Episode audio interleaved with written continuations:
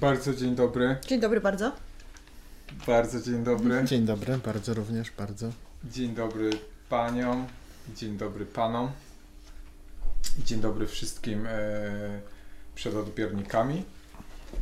Bardzo serdecznie witamy na spotkaniu z Anną Karczewską i Marcinem Wilkiem z cyklu Książka Recepta na życie.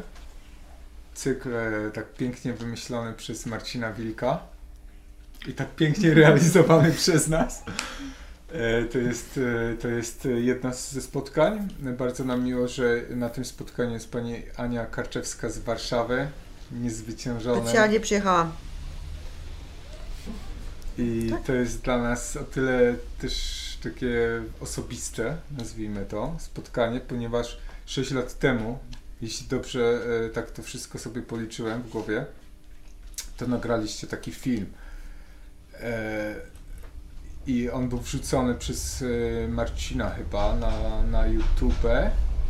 No, To był taki f- film właśnie o pani, jak pani wierzy i i uznaje księgarnie kameralne. Ja to sobie za, zastępowałem to słowo księgarnie kameralne słowem antykwariat abecadło i to mi dodało tak bardzo dużo takiej siły, wiary, bo wtedy byłem, e, wtedy prowadziłem jeszcze dwa antykwariaty, ale to, to było takie na skraju załamania. Byłam w jednym nawet, dostałam sok z buraka. Tak, na Pamiętam. Pijarskiej. Ale to był właśnie, to był ten okres, że jeszcze miałem dwa antykwariaty, prowadziłem dwa antykwariaty, to akurat oglądałem na Ditla ten film. Ten film właśnie e, spowodował taki jeszcze, powiedziałem sobie, jeszcze spróbuję.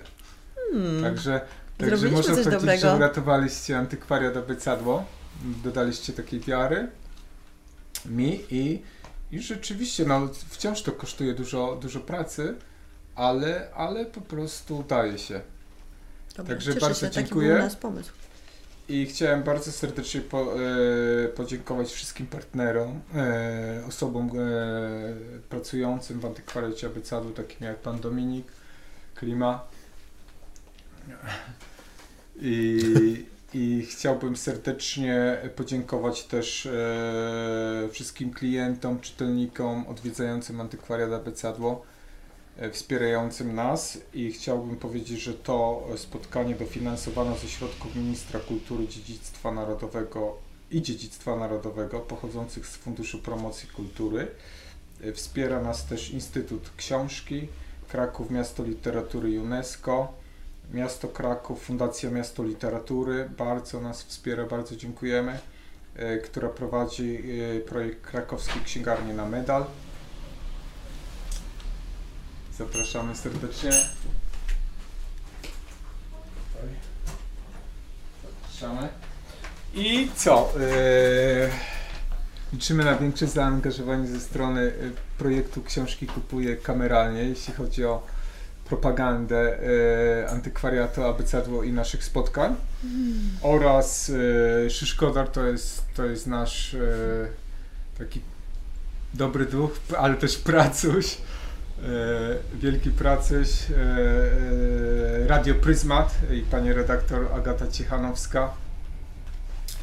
Chcieliśmy też e, e, zaprosić na spotkania i audycje w Radiu Pryzmat o działalności antykwariatu Abecadło i, i tej wielkiej już społeczności, która e, współtworzy to miejsce. No i dziękujemy Bibliotece Kraków i, Wojewódzkiej Bibliotece Publicznej. Zapraszamy w piątek najbliższy y, na spotkanie o 18 z Maciejem Meleckim y, z Instytutu Mikołowskiego i Michałem Piętniewiczem, a w sobotę to będzie chyba sz- y, 15 w piątek o 18 spotkanie z Meleckim i Piętniewiczem, a w sobotę o 16 piękny koncert Klaudii Marii Lucy ze Szczecina. E, Piękna muzyka, ok, ukulele i wspaniały, ciepły głos, bardzo klimatyczna sprawa. Zapraszamy serdecznie. Jeszcze raz dziękuję za, za przybycie i tej pięknej Warszawy i Marcinowi z pięknego Krakowa i wszystkim Państwu. I życzymy miłego wieczoru. Miłego odbioru. Dziękujemy Ci bardzo Mogę, za mogę zacząć? No proszę Cię, jeśli. Bo Antoni poprosił o e, większe wsparcie ze strony książki Kupuje Kameralnie, więc chciałam powiedzieć, że książki Ku- Kupuje Kameralnie ma kryzys i to może być dobrym otwarciem naszej rozmowy o książkach na kryzys.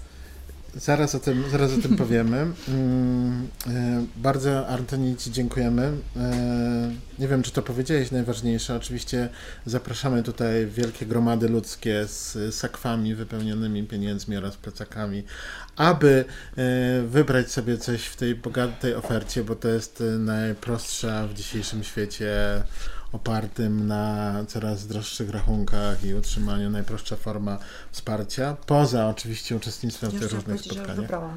Na przykład to jest, to jest wzorcowe zachowanie, k- e, tak właśnie należy postępować. Ja też, Grube dwie. ja też mam cieńsze, ale za to trzy. Em, opowiemy pewnie jeszcze o tym, bo to jakby mm, jest pewnego rodzaju ramą też jakby te takie konkretne rzeczy, które się dzieją albo które chcielibyśmy, chciałybyśmy, żeby się działy wobec tego, co się dzieje z książką jako przedmiotem, ale jako czymś więcej, miejscami, w których, e, w których są książki, bo też e, jakby wydaje się mi, nie tylko pewnie, że ty jesteś do tego najlepszą osobą, e, ponieważ i tutaj słówko takie rysu biograficznego, antropolożka kultury, aktywistka i promotorka kultury. Od 2012 roku prowadzi inicjatywę wspomnianą już e, książki Kupuję kameralnie Która ma kryzys? i bloga Rezerwaty Książek, który też chyba ma kryzys, e, na którym opisuje niezależne księgarnie z całej Polski.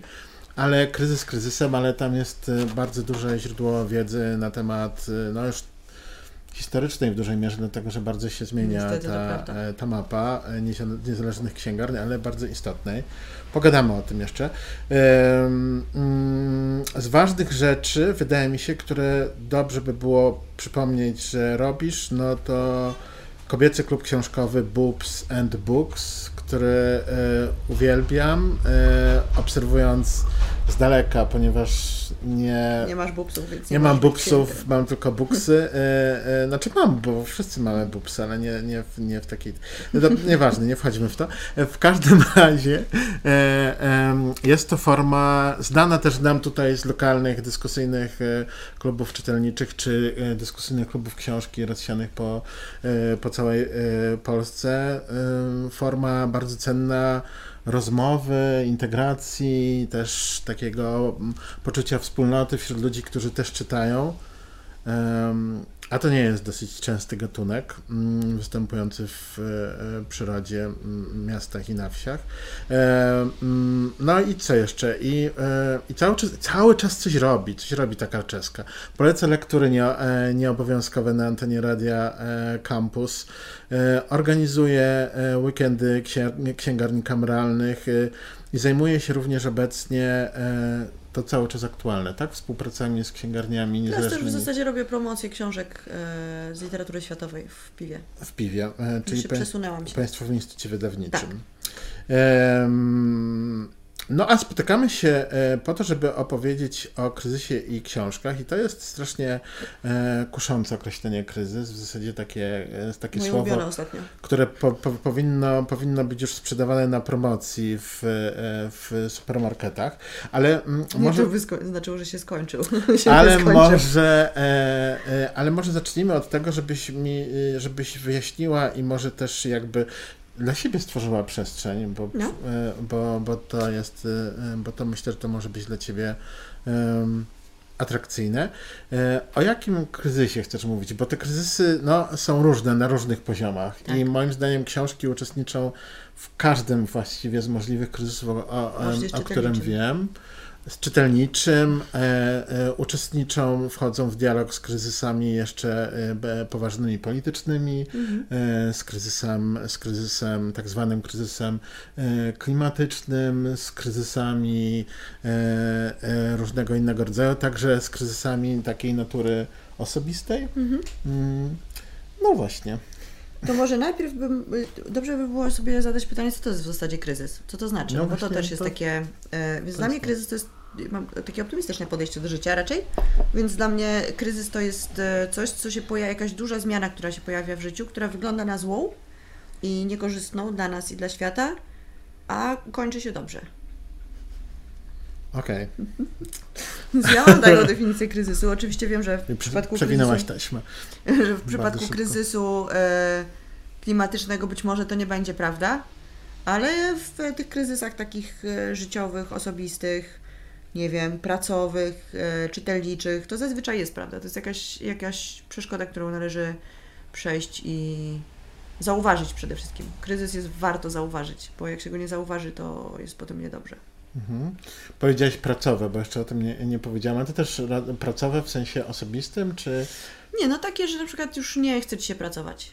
Albo praca, którą wykonujesz, wydaje ci się być, e, nie wiem, niepotrzebna, albo zbyt trudna dla ciebie, albo z powodów jakichś tam się okazuje, że, że już nie jest dla ciebie odpowiednia, bo przecież ludzie się cały czas zmieniają. Mhm. I wtedy można albo zmienić pracę, albo zmienić branżę, albo przemyśleć to, co się dzieje w tej, w której się jest. I na to książki też potrafią pomóc. Czyli coś takiego, kryzys jako rodzaj wypalenia trochę, tak? Trochę tak, coś takiego? Ale czy ty mówisz o tym dlatego, że to jest taka abstrakcyjna koncepcja wyczytana gdzieś z podręczników, czy dlatego, że ty jesteś osobą, która przechodzi kryzys w związku z zajmowaniem się, bo to nie jest oczywiście też sytuacja bardzo Mhm. e, taka mm, rzadka niestety, e, to znaczy, że ludzie, którzy zajmują się kulturą chyba ogólnie, czy w ogóle jakimiś zajęciami intelektualnymi, bardzo często przechodzą właśnie tego rodzaju kryzys. To jest coś, co też ciebie dotknęło? Wiesz co, no mnie w, w kryzys wpędził serial na Netflixie. Więc nie wiem, czy możemy mówić w antykwariacie o serialach na Netflixie. No spróbujmy. Więc w kryzys wpędził mnie serial Miłość i Anarchia, Mm. szwedzki, który między innymi opowiada o wydawnictwie działającym w, w Szwecji. Mm. Chyba w Sztokholmie, ale nie jestem Mhm. pewna. E, I tam jest tyle podniesionych różnych ważnych tematów dotyczących e, wydawania i promocji literatury, Mhm. że ja po obejrzeniu tego serialu już nie miałam w zasadzie żadnej nadziei Mhm. na to, że w ogóle cokolwiek da się zrobić jeszcze. Ale powoli ją odzyskuję. Myślę, że warto by było. Ale to Kazać- powiedz, bo ja nie znam na przykład tego serialu. Czy tam e, myślę, że takiego... w, warto by było w ogóle zrobić takie obowiązkowe oglądanie tego serialu przez e, ludzi, którzy się zajmują książkami, Mhm. żeby potem móc usiąść i pomyśleć na ten, na ten temat. Bo tam są takie pytania dotyczące tego, czy wydawać instagramerki, które się świetnie sprzedadzą, e, żeby zarobić pieniądze, wiedząc o tym, że to jest marna literatura. Mhm. Czy można wydać bardzo dobrą książkę świetnego pisarza, który jest niedobrą osobą Mhm. e, i dopuszcza się jakichś nadużyć, na przykład seksualnych. Czy e, wielka literatura tłumaczy wszystko, bo to trochę o to zahacza, a trochę też o to, żeby na przykład czy, czy warto wydawać i czy trzeba wydawać rzeczy, których nikt nie czyta. Wiadomo, że są świetne, ale nikt nie jest nimi zainteresowany.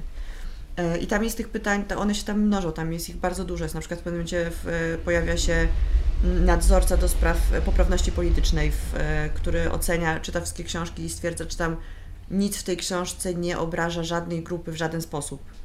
I pytanie, czy literatura w ogóle będzie istniała, jeżeli będziemy aż tak szczegółowo ją analizować.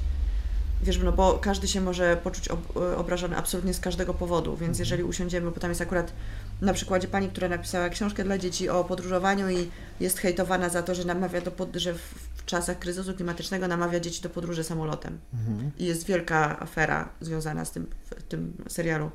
I to są takie pytania, które musimy sobie zadać, bo prawdopodobnie zaraz będziemy musieli sobie je zadać w wydawnictwach.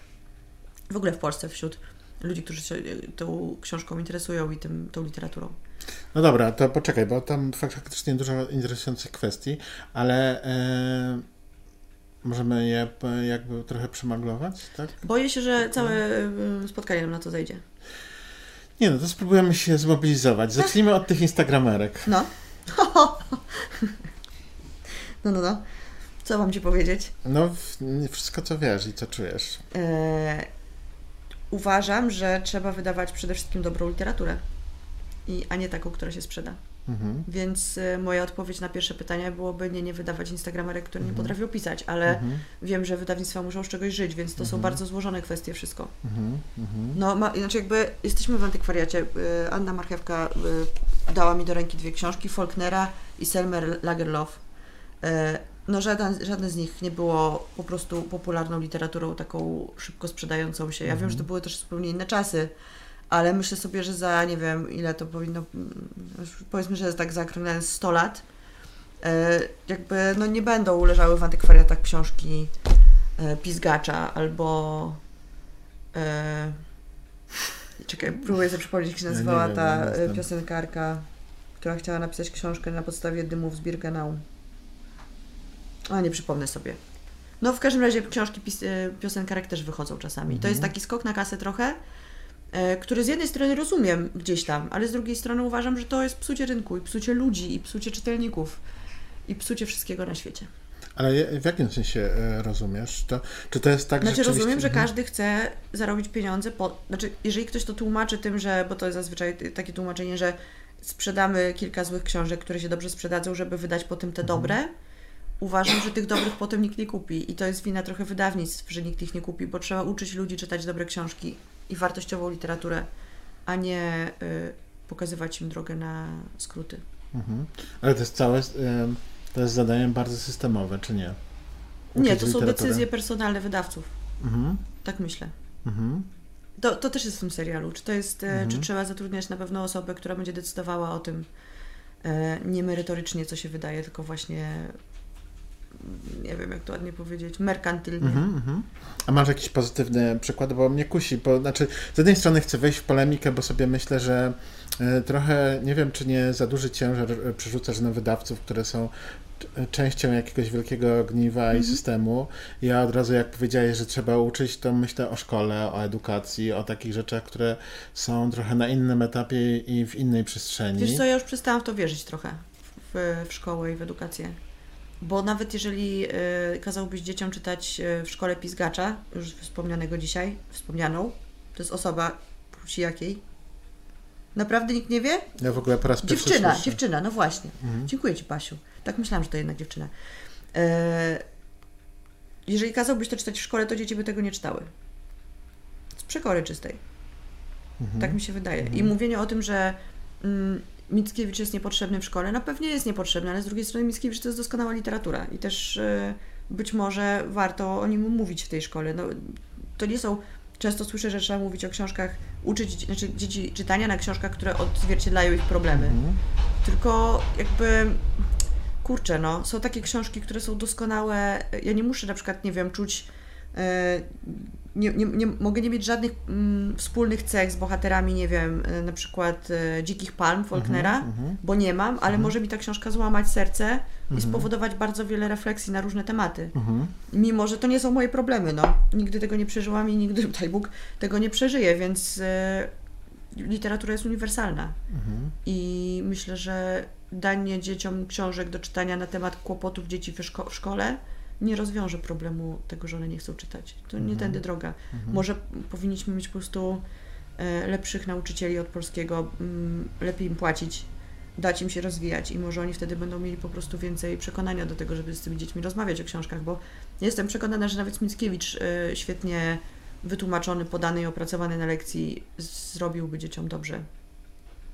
Więc może nie nowsze lektury, tylko po prostu nie wiem. Mi tylko chodziło bardziej o to, że, e, że, bo ty powiedziałeś, że to jest wybór wydawców, a mi No. się wydaje, że wydawcy są jakimś tam ogniwem w tym, ale to jest ciekawe, że ty bardzo wierzysz w rolę wydawców, bo to też jest, e, no, bo tak z tego wynika. No to, to trochę rozumiem. też na, jakby na, na fali tego serialu, no bo on był akurat o Mhm. wydawnictwie, ale no wiesz, w pewnym momencie ktoś podejmuje te decyzje, co wydaje. No tak. E, I gdyby wydawcy jednak mimo wszystko spróbowali wydawać na przykład połowę mniej książek, bo są niepotrzebne. Jest 70 książek dziennie wy, wychodzi w Polsce, Mhm. jest jakiś obłęd Mhm. i nikt ich nie czyta. Więc gdyby wydawcy wydawali mniej książek, ale trochę bardziej się zastanowili nad tym, szczególnie, że brakuje papieru i Mhm. wszystko, jakby generalnie wszystko przemawia za tym, żeby pójść trochę w, e, no nie w minimalizm, ale po Mhm. prostu nie wydawać aż tak dużo i przemyśleć bardziej te decyzje wydawnicze i być może nie robić tak, że wydamy po prostu trzy bardzo słabe książki, żeby wydać potem jedną dobrą, tylko może po prostu postawić na takie książki, które mają szansę się sprzedać, wypromować je odpowiednio, spowodować rozmowę na ich temat, może wtedy ludzie będą chcieli je kupić, no. Mhm. Nie no, pomysł dobry, tylko jak to zrobić? Nie mam zielonego pojęcia. Ale może gdyby wszyscy usiedli się nad tym zastanowili Mhm. wspólnie, to coś byśmy wymyślili. Mhm. Ja A- nie wiem, ja nie, nie mam odpowiedzi na te pytania. Chciałabym mieć bardzo. Mm, Ciekawe, ciekawe w ogóle, że, że od tego zaczynamy, bo tak trochę wchodzisz jakby w cały czas w tą tematykę, e, którą, którą się zajmujesz, która jest trochę z pogranicza i też nawet jak odpowiadasz, która jest z pogranicza trochę takich pomysłów systemowych, jeśli mogę Mhm. tak powiedzieć, a równocześnie takiego podkreślenia jakby no, twoich indywidualnych pomysłów, jeśli, jeśli, mogę, jeśli mogę tak to określić. Tutaj podnosisz wzrok, bo się zastanawiasz i próbujesz sobie przypomnieć. Co ci się udało takiego zrobić? I teraz właśnie o to chciałem cię... mi się nie udało zrobić. Y, Co, o to chciałem Cię spytać, czy było coś takiego, co jakby mm, y, zanim przejdziemy do tego kryzysu i do tego wypalenia, to było coś takiego, z czego jesteś naprawdę dumna, y, zadowolona, jak, jakiekolwiek inne słowo, i do czego Cię popchnęły, no właśnie, doświadczenia związane z na przykład z jakąś lekturą albo z, z, z jakiegoś innego, innego typu zetknięciem się, no nie wiem, y, bo to nie, nie zawsze jest tylko czytanie, ale Mhm. też czasem kontakt y, z autorem albo z wydawnictwami, albo też przepływ jakiejś energii, no. Znaczy wiesz co, y, to jest tak, takiego. jak, był, jak była pandemia i nie było Mhm. festiwali, nie było Konrada i nie było OFA, to są dwa festiwale, które mnie zasilają na cały rok. no. Y, Jeden muzycznie, drugi literacko. I nie miałam szansy, nie było tych wydarzeń y, imienia Jana Kochanowskiego, które bardzo lubię, na których się wszyscy spotykają i rozmawiają. Około targowych wydarzeń, bo same targi oczywiście wiadomo nie są jakoś specjalnie istotne. To ja po prostu straciłam ochotę, żeby cokolwiek robić, bo mnie nakręca wyłącznie rozmowa z drugim człowiekiem. Mhm. I wtedy dopiero mam pomysły i wtedy dopiero myślę sobie, co zrobić i e, szczególnie w jakimś konflikcie albo w dyskusji z drugą osobą pojawiają mi się jakieś pomysły. Albo jako reakcja na e, takie właśnie, "E, nic się nie da zrobić, już w ogóle wszyscy umrzemy, to wtedy robię, e, wtedy we mnie wstępują jakieś nowe siły i wtedy robię jakieś dobre rzeczy chyba. E, Na pewno jestem dumna z książki Kupuję kameralnie, z tego, co mi się udało zrobić. Mm, Przede wszystkim wymyślić e, Mhm. takie sformułowanie jak kameralna księgarnia, które się nikomu nie podobało na początku. Wszyscy mówili, że to jest złe określenie i że musimy mówić niezależne księgarnie, ale niezależne w Polsce co innego oznacza zupełnie. To nie jest independent. W Polsce niezależność to jest inna niezależność. E, I stwierdziłam, że to nie jest dobry, dobra nazwa. Wymyśliłam nazwę, nazwę księgarnie kameralne. Zaczęłam je wyszukiwać, mówić o nich, pisać. E, I, w, I mam wrażenie, że po tych Jezu, ośmiu latach powiedziałeś? No, nawet y, więcej, 10 od O Jezu. 2012. No więc po tych 10, 10 latach e, działania mam wrażenie, że coś się udało zrobić. Że, że ludzie jednak mm, wiedzą, że są księgarnie. Oczywiście nie wszyscy w nich będą kupowali. C- Niestety coraz mniej osób będzie kupowało w księgarniach. Ale mam nadzieję, że księgarnie, m, tak jak na zachodzie się to dzieje, staną się takimi miejscami. Mm, nie wiem, jak to ładnie powiedzieć, żeby nie zabrzmiało. No właśnie, to jest ten, mm, ten taki pan do spraw poprawności politycznej, żeby nie powiedzieć coś, co kogoś urazi. E, Bardziej snobistycznymi, ale w tym dobrym tego słowa znaczeniu. Że będą tam przychodzili e, odbiorcy świadomi, Mhm. świadomi tego, dlaczego płacą za książkę 40 zł, świadomi tego, jak ta książka powstaje, świadomi tego, że literatura ma swoją wagę i e, być może nie trzeba jej kupować z koszy. Koszów? Koszy? Koszy Mhm. Mhm. w supermarkecie, gdzie są po prostu wrzucone między marchewkami i kapciami. E, I taką mam wizję, że to będzie jakby nowa rola księgarni, że one będą bardziej butikami z dobrą literaturą niż e, miejscami handlowymi, no bo handel z jakiegoś powodu, znaczy z, z wielu powodów, wszyscy wiemy jakich, przeniósł się trochę do internetu, więc jeżeli chcemy coś kupić szybko i tanio, to kupujemy w internecie. E, Nie wiem, czy da się to zmienić. Mhm. Myślę, że, że nie, No tak, no że tak to jest walka z wiatrakami. Ale to by oznaczało, że ty jesteś za tą taką elitarystyczną. No właśnie Mhm. dlatego nie chciałam tak powiedzieć, bo, bo to nie jest elita. To chodzi o to, że y, są, są ludzie, którzy cenią sobie kontakt z drugim człowiekiem. Nie wiem, to, że można właśnie o tej książce porozmawiać, że można ją Mhm. wybrać, że ta książka może Cię znaleźć, bo to jest miejsce, znaczy jakby to jest to, co robią księgarnie, że wchodzisz do księgarni, jakby to A są co- dwa tytuły, A których co ja z nie znam, tak? introwertykami na przykład czytającymi? Ale co introwertycy? No to podejdą Nie sobie do czytać. półki, przecież półka ich nie zaatakuje, no. Ale ciepło, otwarty. Półka ciepło przyjmie. księga. No nie, no dobra. Próbujecie, bo za- zachęcałaś mnie do tego, żeby w, w konflikt, bo się wtedy pobudzasz, cię więc. Widocznie, że zaczął się kręcić. Nie, no nie, introwertycy w, w księgarni też jakby, no nie ma tu ludzi, więc wiesz, jeżeli na przykład ktoś ma y, fobie społeczne, to księgarnia jest świetnym miejscem. A, tak z tego wyglądałeś. Nie ma tłumów w księgarniach, bardzo rzadko są. Mm, No tak, ale ja też myślałem oczywiście o tej cenie no. która jest, która bywa zaporą. Ja to wiem zresztą z rozmów też z, z różnymi ludźmi, którzy chcą czytać, a którzy... Pamiętasz, o czym rozmawialiśmy przy tej przytoczonej przez Antoniego dzisiaj rozmowie? Mhm. Książka w Warszawie, w Warszawie, mhm. w Warszawie również. W, mhm. w Polsce kosztuje tyle, mhm. mniej niż t-shirt z sieciówki, który się rozpadnie no, za... Tak, tak, dwie kawy. Dwie, tak, dwie kawy, pół litra. Nie, nie wiem ile kosztuje pół litra. To wtedy też był z tym problem, że ja nie wiem tego. Też nie wiem. Ale niewiele generalnie pewnie mniej. Albo pizza, tak? Mm. Którą zeżresz i y, rozboli cię brzuch, no. Mm. I, I to tyle. A książka zostaje na Jezu, lata, mm. dziesięciolecia, mm. tak? Możesz, nie wiem, zostawić, nie zostawisz kawałka pizzy dla swoich dzieci i wnuków, ale zostawisz książkę dla swoich dzieci i wnuków, a kosztuje ona tyle samo. Nawet mniej. Teraz już nie kosztuje tyle samo, co pizza?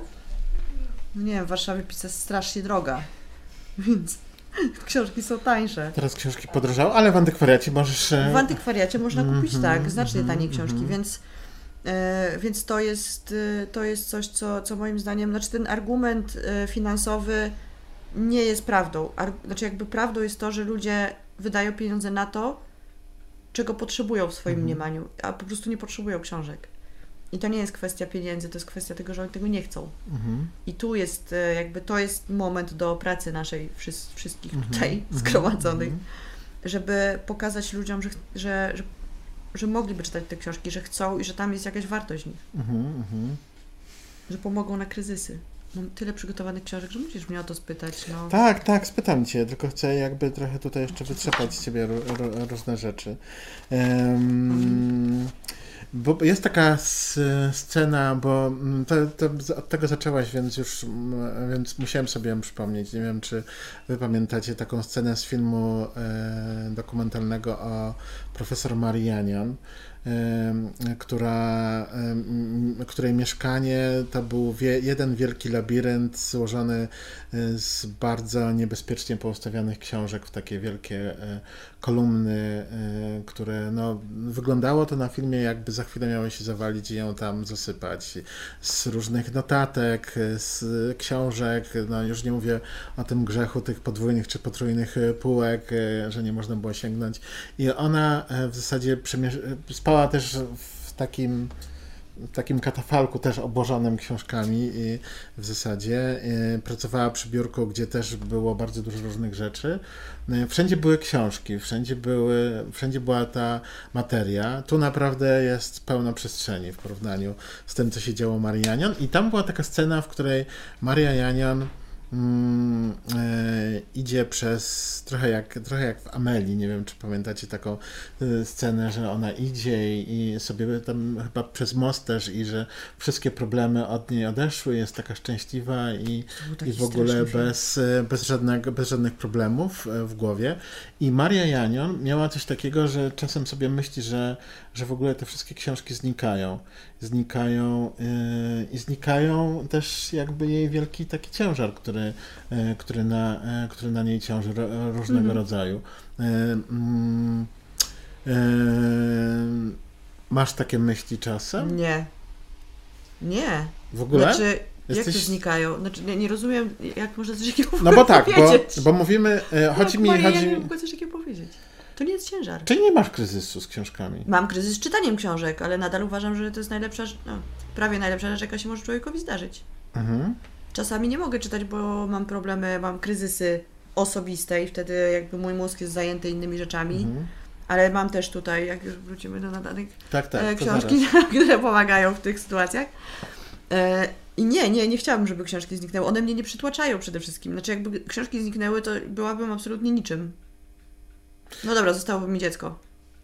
Ale te książki rozumiane jako, jako, wielka, jako wielka masa, to wszystko, co się produkuje, e, to wszystko, co musisz skonsumować? Znaczy, mogłabym zrobić tak jak Thanos w e, Avengersach, Aha. że zrobić tak i żeby połowa książek zniknęła. Mhm. To by było spoko, myślę. Mhm, mhm. Ale wszystkie nie. Nie, nie, nie. I to randomowo, żebym nie musiała wybierać, wiecie, że takie dyktatura po prostu karczewskiej, że te są dobre, te nie dobre. Nie, randomowo po prostu połowa książek znika. Nie, to dobrze, to, znaczy to nie brzmi, Świat to nie, nie straciłby dużo. To nie brzmi jak kryzys w takim razie. Mówicie, że ja zawsze mam jednak... Że, Optymistyczny. Wiesz, tak. no dobrze, no to przejdźmy do tych e, rzeczy takich związanych bardziej z, e, e, z Twoimi osobistymi doświadczeniami lekturowymi i książkowymi.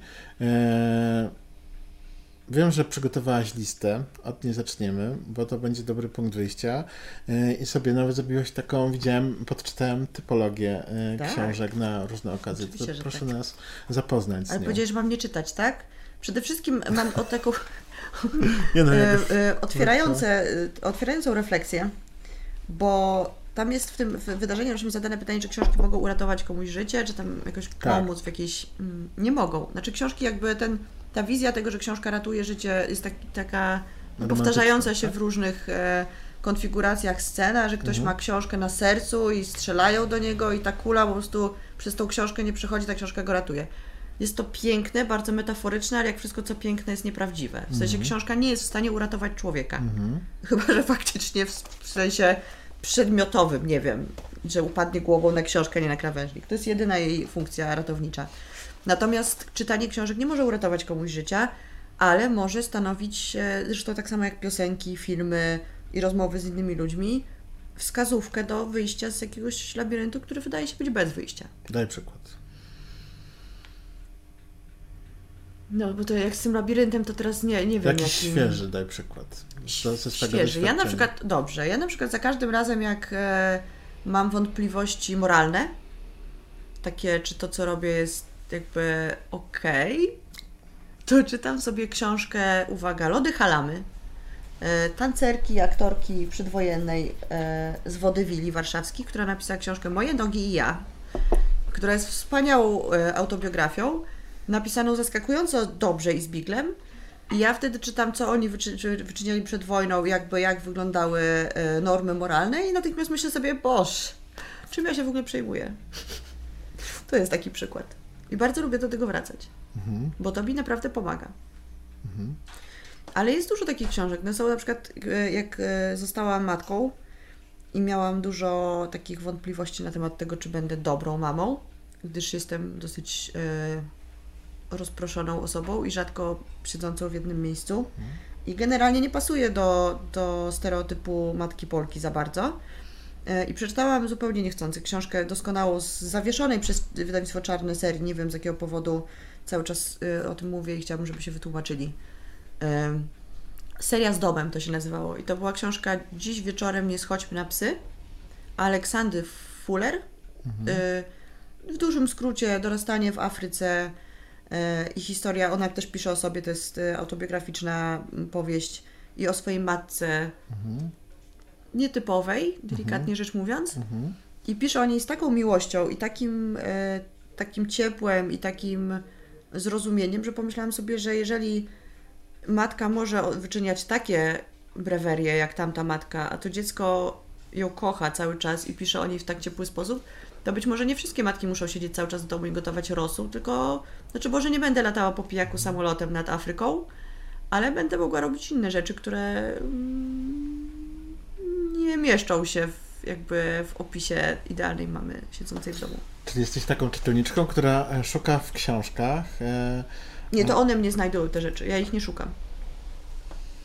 Ale daj mi skończyć. Dobrze. Jesteś taką czytelniczką, która szuka w książkach, czy która znajduje w książkach, czy które książki znajdują, jakby potwierdzenie na to, co robisz, a co do czego masz wątpliwości. Dobrze to rozumiem? Ale też y, przekonują mnie, na przykład to mam taki, to muszę przeczytać, bo tak. mam, y, ładnie to napisałam, y, że są książki na wygórowane oczekiwania wobec miłości. I to nie jest taki problem, znaczy to jest powszechny problem, moim zdaniem. oczekiwania. Tak, że człowiek tak sobie myśli, Boże święty, tak mi się zakochał, ta miłość jest taka wspaniała, widziałem tyle dużo, nie wiem, komedii romantycznych, albo czytałem piękne historie miłosne i to jest wszystko takie... I jak człowiek ma taką już napuchniętą tą bańkę oczekiwań wobec miłości, to ja na przykład poleciłabym mu książki, które tą bańkę przebiją. No.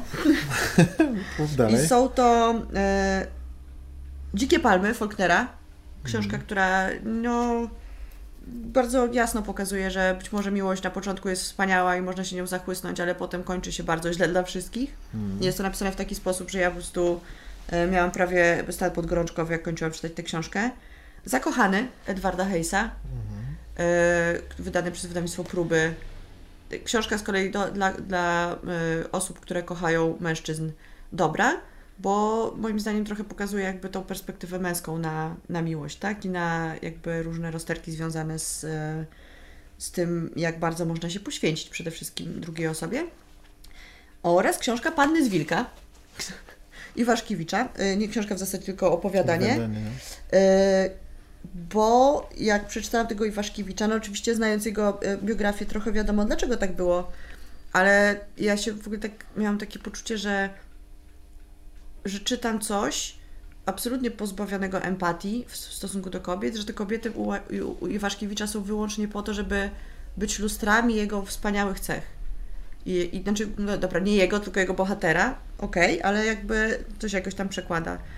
I tak czytałam tę książkę i myślę sobie, aha, czyli może na przykład być tak, że kobieta jest przekonana, że ta miłość sprzed lat to było w ogóle coś wspaniałego i to było takiego wyjątkowego i tak dalej, ale ten koleś romansował ze wszystkimi twoimi siostrami i tak naprawdę traktował cię dosyć,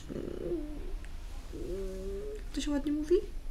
Przedmiotowo? Mhm, mhm, mentalnie. E, I to są takie rzeczy, które powodują, że wtedy siadam sobie i się zastanawiam nad różnymi relacjami, które ja mam. Nie, nie, nie musi to być zawsze miłość e, romantyczna, ale jest przecież bardzo wiele miłości różnych. E, I te książki też dotyczą innych rodzajów miłości, takiej właśnie nie, nie erotycznej, nie romantycznej też. I wtedy sobie siedzę i myślę po prostu. I to jest taki, taki mechanizm trochę sprawdzania swoich e, emocji i swoich przekonań. A to ciekawe, książki. że o tej miłości tak mówisz. W No sumie. wiesz, w pewnym momencie trzeba zacząć się nad tym zastanawiać. No nie, mówię, że to, to, to, to ciekawe, bo, mówiliśmy o kryzysie, a ty zaczęłaś o miłości. No bo jakby mam kryzys związany z miłością, więc może dlatego. Mhm. Bo to Mhm. też są duże kryzysy. Nie no, Kiedyś pamiętam, to e, anegdotka, ciotka anegdotka. E, byłam na, w OSW Kormoran na Helu, gdzie spotkałam wspaniałą e, dziewczynę, która nazywała się Olga Ha- Haberek, z tego co pamiętam. Piękna, starsza ode mnie, bardzo wyzwolona, bardzo duże wrażenie na mnie zrobiła. E, I ona czytała Annę Kareninę w, sobie na plaży. mhm. I podeszłam do niej i spytałam, co czyta oczywiście. To jest pierwsze pytanie, które zadaję ludziom, którzy czytają i w ogóle w większości. I ona powiedziała, że Annę Kareninę, bo to jest najlepsza książka po rozstaniu. I ja sobie tak myślałam, hmm, no dobrze, ale dlaczego? Ale już jakby potem zaczęłam z nią rozmawiać. Znaczy po- powiedziałam, że witam w klubie, ona powiedziała, że nie chce być w żadnym klubie i zrobiło mi się nieprzyjemnie i niemiło, więc sobie poszłam. E, Potem chyba moja przyjaciółka powiedziała mi dokładnie to samo, czyli po, że e, jej koleżanki, wszystkie, które się rozstają z e, facetami, zaczynają czytać Annę Kareninę. Więc ja oczywiście, w związku z tym, że zaliczyłam wtedy rozstanie, stwierdziłam, że przeczytam Annę Kareninę. Był to strasznie zły pomysł, bo, ale też bardzo dobry, jak wszystkie znakomite książki. Ta książka jest w stanie, powieść jest w stanie z jednej strony mm, dojechać Cię tak do spodu, że ja po prostu naprawdę dygotałam czytając końcówkę tej książki, E, ale z drugiej strony jak skończyłam ją czytać, to przeszłam, przeżyłam taki klasyczny katarzis. Pomyślałam sobie, "Uff, okej, miłość nie jest łatwa. Teraz jak czytałam Annę Kareninę, to już jest dla mnie książka o czymś innym, już nie jest o miłości. Teraz jest o y, trochę o rodzicielstwie, a trochę o normach społecznych, Mhm. a trochę o socjalizmie, y, może nie socjalizmie, może podejściu do klas bardziej. Mhm, mhm. Mm, Ale to ciekawe, co, co to, to wszystko jest bardzo ciekawe, co, e, co mówisz. Dziękuję bardzo. Bo to znaczy, że jesteś taką czytelniczką mm, bardzo wprost traktującą literaturę, znaczy bardzo przekładającą sobie na, na doświadczenia. No ja czytam emocjami, oczywiście, że tak. Chociaż są takie rzeczy, które, w których emocji jest bardzo mało. E, Na nie przykład? inaczej, właśnie nie ma Jakie? mało. Właśnie chciałam powiedzieć, że jest mało, a teraz sobie myślę, że to bzdura. No, jeden z moich najukochańszych ostatnio pisarzy, e, czyli Sebald, Mhm. nie ma, tam nie ma buzujących emocji, ale jednak na przykład jak czytałam Czuję zawrót głowy, to była książka, która mi absolutnie wesz, weszła w ten moment, w którym ja też byłam i te maciupkie okruszki, które on tam zostawia dotyczące jego stanu psychicznego, czy tego, co się dzieje w jego życiu, już wystarczyły mi do tego, żeby absolutnie się z tą książką skleić. Mhm. Nie, nie jestem zimną czytelniczką. Nie, nie potrafiłabym chyba przeczytać książki tak w ogóle się nie utożsamiając z nią, ani z bohaterami, ani z sytuacją. Ale to nie jest tak, że na przykład jeśli nie wejdziesz w kontakt emocjonalny, to, e, to, to, to, to znaczy, że odkładasz książkę? Ja bardzo to? rzadko odkładam książki, niestety. Powinnam zacząć to robić częściej, myślę. Bo tracę trochę czasu.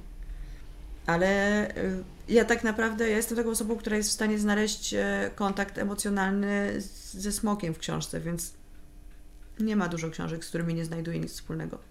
No ale musisz jakoś selekcjonować, bo przecież powiedzieliśmy, chciałaś łopatą odwalić przynajmniej połowę produkcji książkowej. Nie łopatą, tylko pstryknięciem. Thanosa. Dobra. To jest zupełnie co innego. Ym. Nie, Szukam ja, tych kryteriów, bo znaczy mówimy ja o kryzysie. właśnie uważam, że, Mhm. że jakby wielkie, y, że literatura w ogóle ma to do siebie, że zmienia coś w człowieku. Jeżeli czytamy książki, które nie zmieniają w nas absolutnie nic i nic nam nie robią i po tygodniu nie pamiętamy o czym przeczytaliśmy, Mhm. to w ogóle nie było warto. Mhm. Y, I to jest moje kryterium. I jeżeli są takie książki, bo są takie książki, czytam je czasami, że przeczytam to i jak ktoś mnie spyta za dwa tygodnie, a widziałem na Instagramie, że przeczytałaś tutaj jakiś tam tytuł i co fajne, i ja po prostu muszę usiąść i zrobić tak. "N- Nie wiem. I nie pamiętam w ogóle tej książki, ani jednej postaci. Pamiętam, że taką książką, taką powieścią, która e, właśnie jakby złapałam się na tym, że nie wiem, nie pamiętam o niej absolutnie nic i to od razu po przeczytaniu był Stramer. Kochany przez wszystkich e, Łozińskiego, dobrze mówię? Łozińskiego. Tak, Mikołaj. Wszyscy się zachwycali tą, tą książką, po prostu, że jest wspaniała, najlepsza, doskonała i tak dalej. I ja po zamknięciu tej książki po tygodniu nie byłam w stanie sobie przypomnieć imienia żadnej z postaci. Ża- nikt tam mnie nie zrobił wrażenia. Tam ta historia ściekła po mnie jak po kaczce. Mhm. A są takie postaci, które zapamiętują się na lata. Mhm. No, boksera Shapiro będę pamiętała do grobowej deski. Mhm. Więc, bo był tak narysowaną postacią. E, więc dla mnie literatura ma zostać, no. Ciekawi mnie też to, jak opowiadałeś o tej Annie Kareninie, bo to jest taki, taka rzecz, z którą się my często stykamy. To znaczy, że pewne książki, do których powracamy w różnych momentach naszego Mhm. życia, one się jawią jako zupełnie, e, no mogę tak powiedzieć, zupełnie inne książki. Ty masz tak, takich autorów, bądź takie tytuły, do których wracasz i one się na przykład zmieniają poza, poza Anną Kareniną? E, Panią Bawary, która kiedyś mi się wydawała e, wspaniałą postacią. Przysięgam, że nie wiem dlaczego. Mhm. E, I potem, jak przeczytałam drugi raz tę książkę, wydała mi się bardzo smutna, a teraz wkurza mnie tak, że nie mogę czytać. Mhm. Utykam na setnej stronie czy dwusetnej. Mam na przykład zbiór w zasadzie takich mikrotekstów i teraz znowu Marojego czy Maroja? Marajego. Marojego. E, cztery pory roku Mhm. i on jest podzielony na miesiące i ja go czytam co, co, co rok po miesiącu i zaznaczam sobie różne rzeczy i to jest, od, ostatnio sprawdzałam, od 2015 roku chyba, w, w różne są podkreślenia i kompletnie inne teksty mam zaznaczone i mam też, potem już zaczęłam pisać z datami, w sensie z rokiem. Mhm. E, I zupełnie inne rzeczy mi się tam podobają. I te rzeczy, które na przykład zaznaczałam w 2018, wydają mi się tak po prostu tandetne i płytkie Mhm. teraz. To jest w ogóle nies- nie, niesamowita sytuacja. I z Sebaldem mam tak samo, że jakby te książki, cały czas mi się wydaje, że jakaś inna jest moją ulubioną na przykład. I podczytuję sobie, wracam do nich i za każdym razem inne, inne rzeczy na mnie robią wrażenie. I też e, Lalkę też ostatnio przeczytałam, też się okazało, że to w ogóle, że wszystko, co pamiętałam o Lalce jest nieprawdą. I o czym teraz jest lalka? E, teraz jest o, bo bardzo nie lubię, jak ktoś mówi, że Wokulski był stalkerem i że był okropny. Uważam, że to Łęcka jest okropną postacią, okropną postacią i, i bardzo jej nie lubię. I uważam, że Wokulski jest bardzo, bardzo głęboko nieszczęśliwą osobą ze złamanym sercem, a nie żadnym stalkerem. Więc, e, a kiedyś jak to czytałam, myślałam sobie właśnie, że Łęcka jest taka wspaniała i taka wyniosła, a on jest taki Mhm. blech, z tymi łapami czerwonymi. To teraz już tak nie ma. Przy tym czytaniu e, książek, o którym mówisz, e, e, i trochę pytam o to w kontekście też serialu i tam jednego wątku, o którym powiedziałaś, on mnie dosyć też interesuje. Takiego nazwijmy go, który się, o którym się mówi cancel culture. Mhm.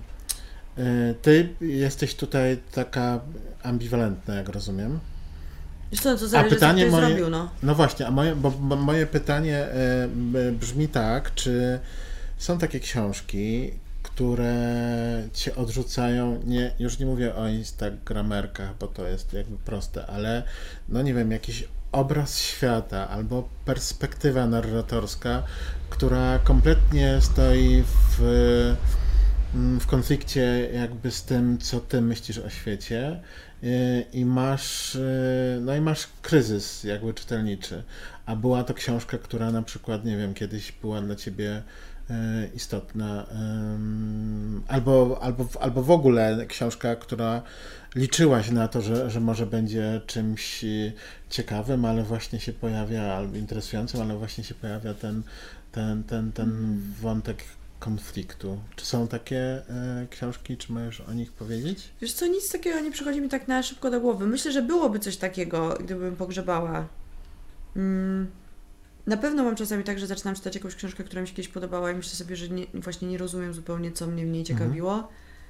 E, nie lubię książek, które zmuszają mnie do emocji. To jest coś, co mnie, y, co ludzie bardzo lubią, mam wrażenie. No mówiłeś, że czytasz emocjami. Nie, ale do takich, y, widzisz, ale to jest co innego. Co innego, jak coś w tobie wywołuje emocje, a co innego, jak y, autor czy autorka specjalnie po Okej. prostu dusi jakiś temat, bo wie, że ludzie będą płakać.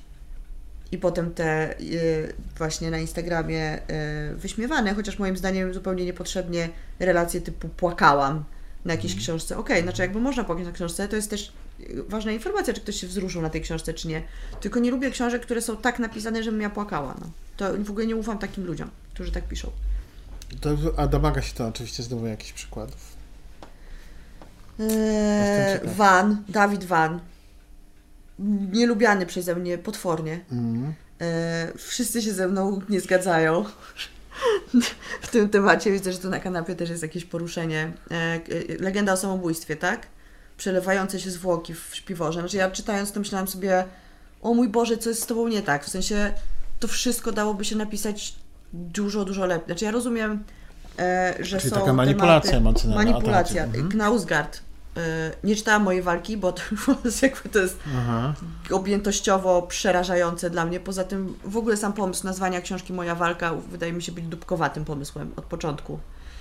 E, ale czytałam Jesień i Lato z, tej, z tego e, kwartetu, czy nie wiem jak to nazwać. E, I uważam, że to jest po prostu bucerska literatura. Mhm.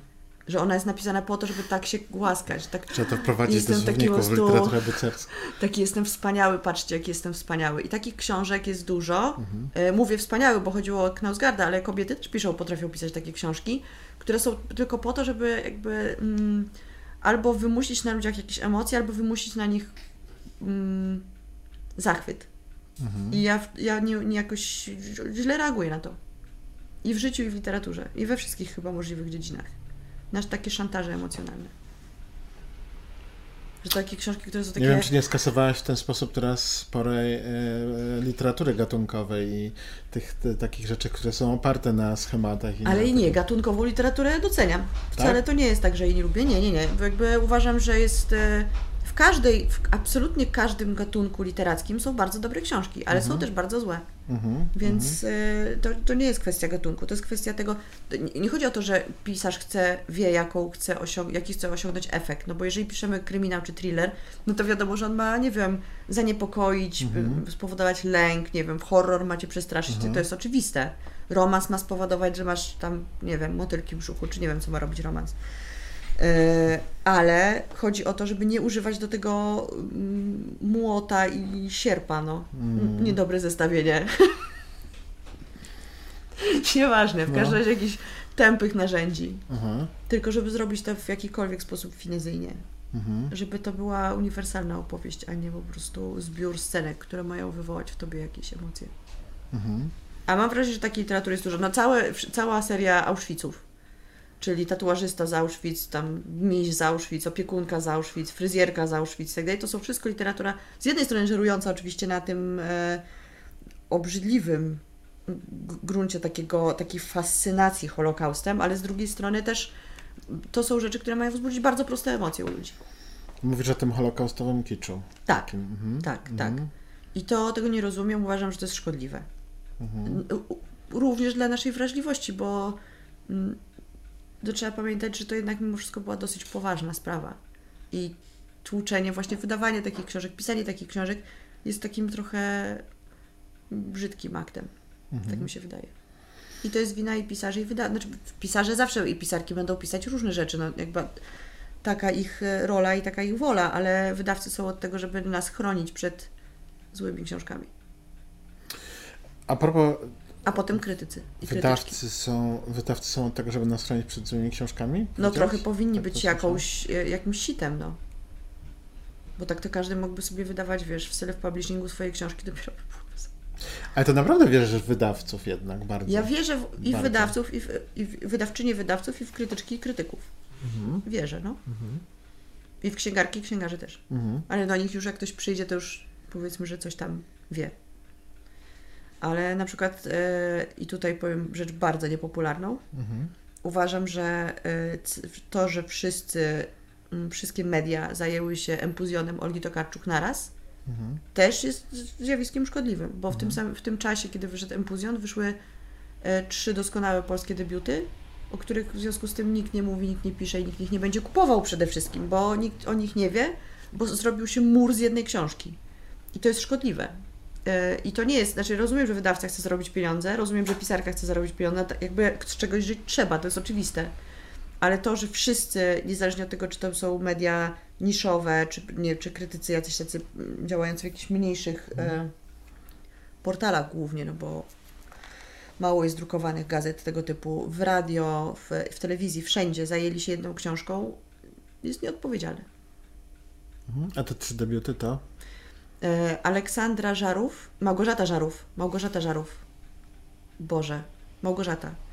E, Ta książka Oswajanie węży w gorące wieczory. Mhm. E, wydawnictwo Czarne. Bardzo przyzwoita książka, bardzo dobry de- debiut moim zdaniem. Wiktoria Bieżuńska, przechodząc przez próg Zagwiżdże z Cyranki.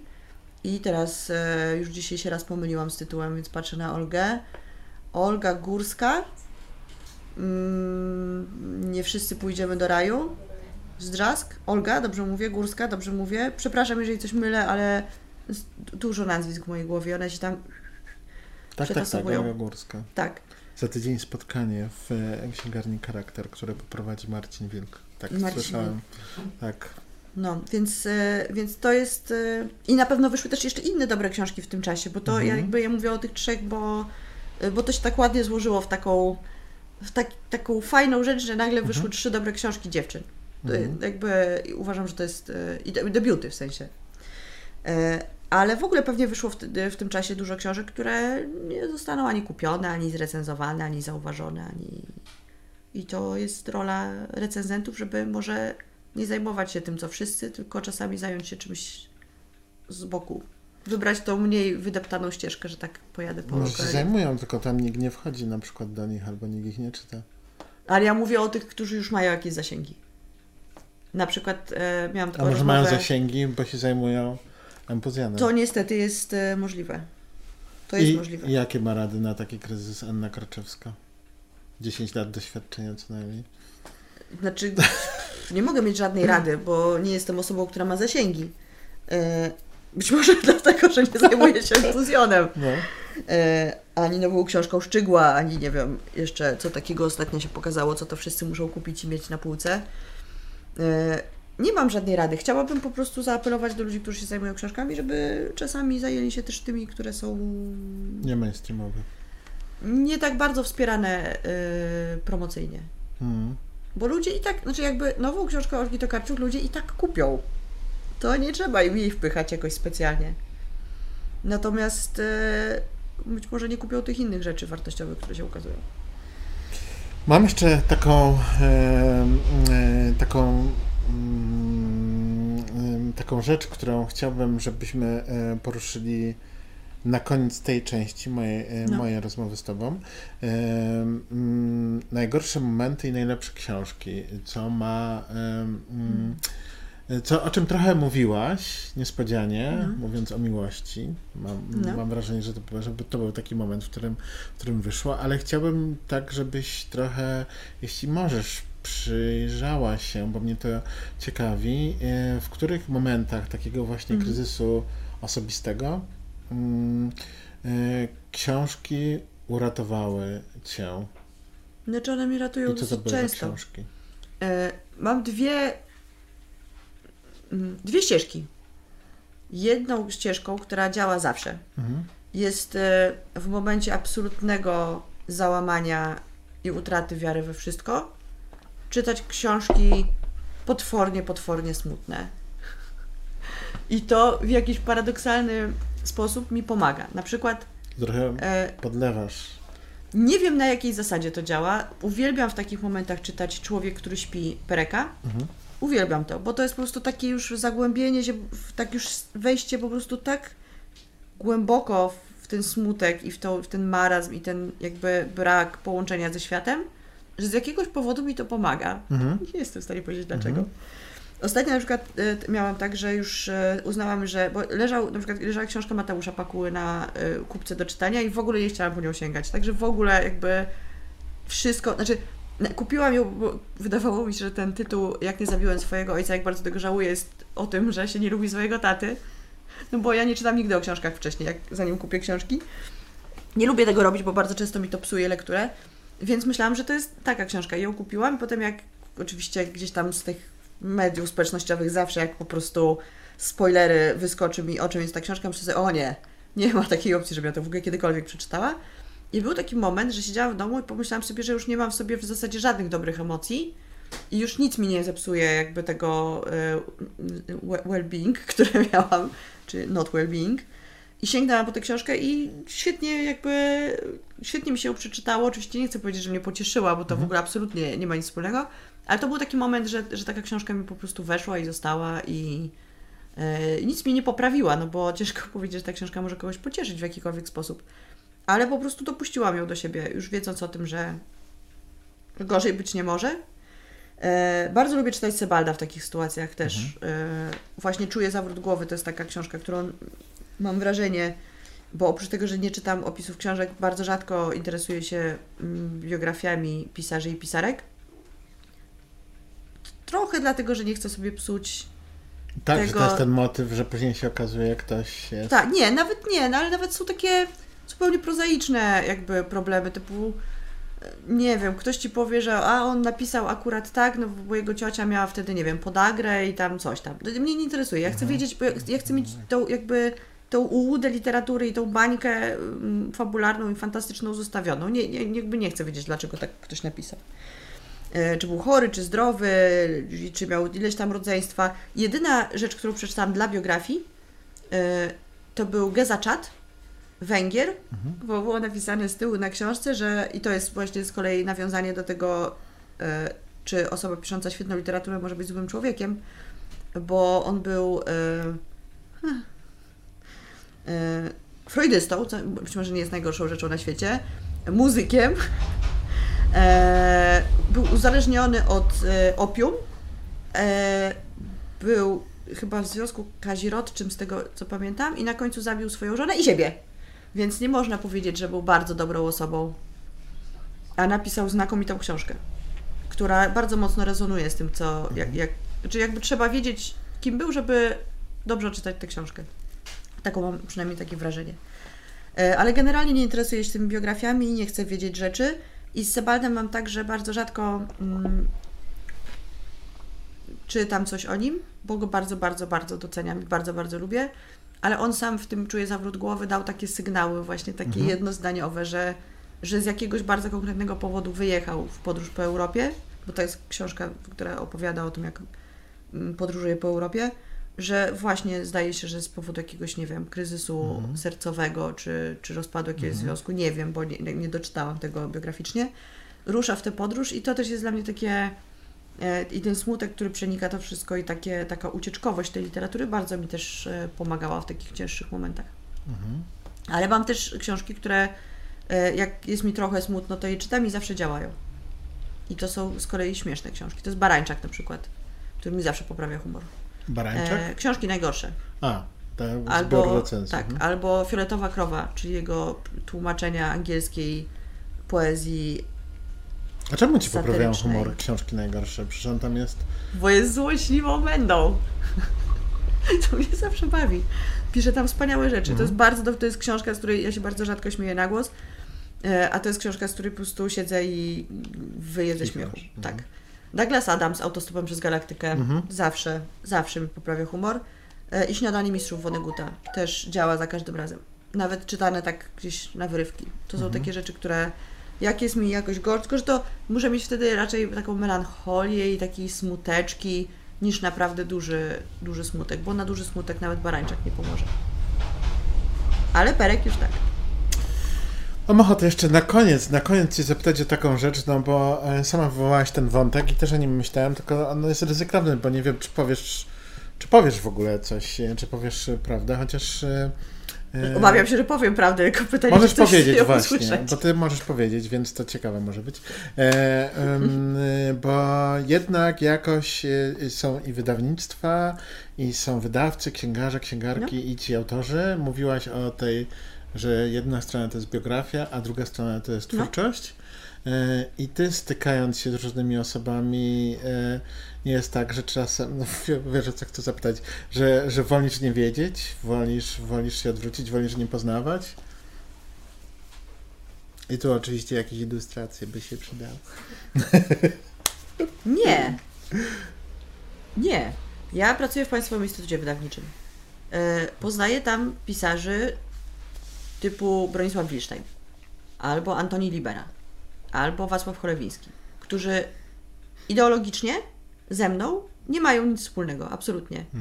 Nie jestem też zainteresowana ich twórczością literacką za bardzo, to też nie są moje książki, ale uważam, że spotkanie innych osób niż ty jest bardzo cenne. Dopóki to nie są jakieś oczywiście, nie wiem, no ok okropne osoby, tak? Takie, o których wiemy, że zrobiły coś no, obrzydliwego, no ale to się rza- rzadziej zdarza na szczęście. Albo ja o tym nie wiem. E, Więc ja lubię w ogóle spotykać różnych ludzi i nie mam tak, że e, wolę nie wiedzieć, jaką osobą jest jakaś osoba publiczna.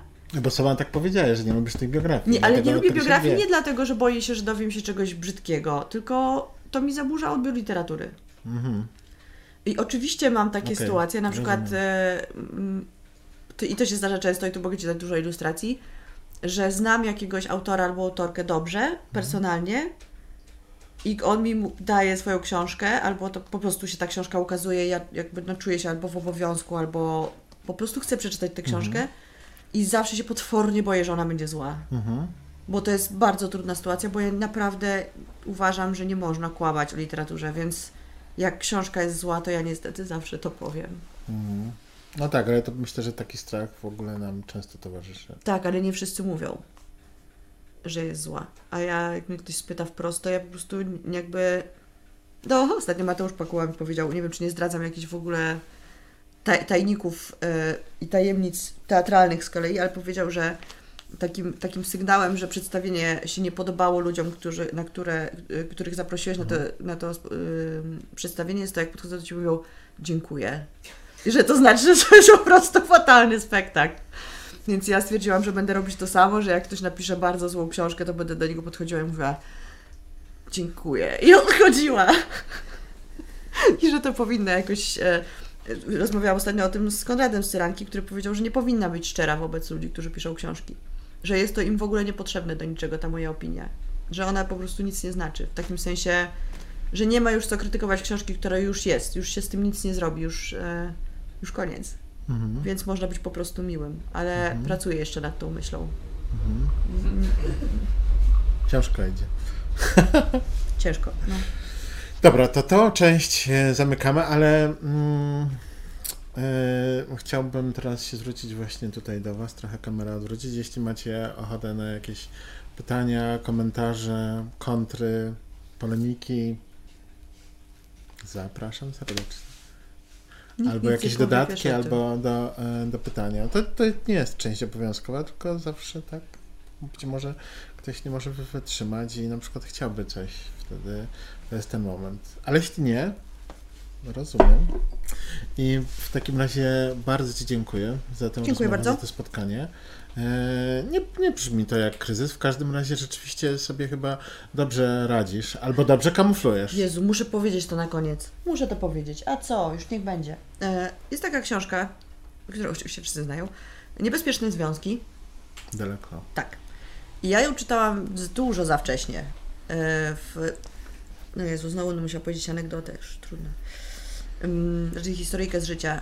Mój tata, który pracował w wydawnictwie, miał wydawnictwo, przyniósł mi e, absolutnie wspaniałego białego kruka, bo mam niebezpieczne związki w okładce pamiętników Latoi Jackson. e, gdzie ona po prostu siedzi rozkraczona na krześle w kabaretkach. No, wygląda jak Latoya Jackson. W sumie jakoś współgra to. E, I przyniósł mi tę książkę, ja zajrzałam do środka i tam były niebezpieczne związki, co było, to jest w ogóle przewspaniałe. Co oczywiście spowodowało wiele nieporozumień, między innymi jak pan od fizyki zabrał mi w liceum książkę, powiedział, co ty Karczeska tam tak czytasz pod ławką i zabrał to i moment, kiedy on spojrzał na tę książkę, ja po prostu krzyknęłam, proszę zajrzeć do środka, to nie jest to. E, nie zajrzał do środka, więc był przekonany, że z wypiekami na twarzy czyta pamiętniki Latoi Jackson. E, W każdym razie, żeby dobrnąć do brzegu, w niebezpiecznych związkach e, hrabina de Merteuil mówi, że nauczyła się wbijać sobie widelec pod stołem w rękę, uśmiechając się i konwersując e, przy stole, jak była młodą dziewczyną. I zawsze wydawało mi się to wspaniałe. I ja też tak potrafię. No to jako puentę mamy potraktować. No dobrze, czy jednak kamuflaż. Tak. No dobrze, ale. Ale to, też literacki, więc... To, sumie ale, to też jest, ale to też jest dosyć du, e, duży sygnał i jakaś deklaracja, i za to też Ci dziękuję. No Bo, proszę Cię bardzo. e, bo, bo to cenne. Bardzo dziękuję Wam też za udział. Bardzo dziękujemy internautom internautkom, wszystkim. E, I zapraszamy e, na następne, na następne spotkanie, e, na którym porozmawiamy z Barbarą, na którym porozmawiamy z Barbarą Syturską. tak, ale to będzie już pod koniec, pod koniec mm, lipca. Bardzo dziękuję. Do zobaczenia. Dobrego wieczoru.